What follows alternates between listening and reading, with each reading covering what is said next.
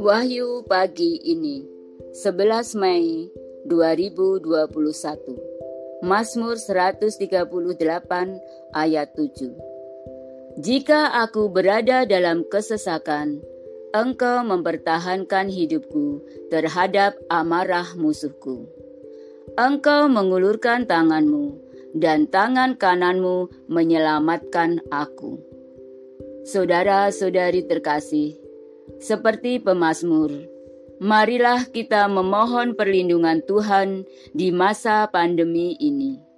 Semoga kita, Anda dan saya, tidak menjadi musuh dari sesama ciptaan Tuhan. Selamat pagi, Tuhan memberkati.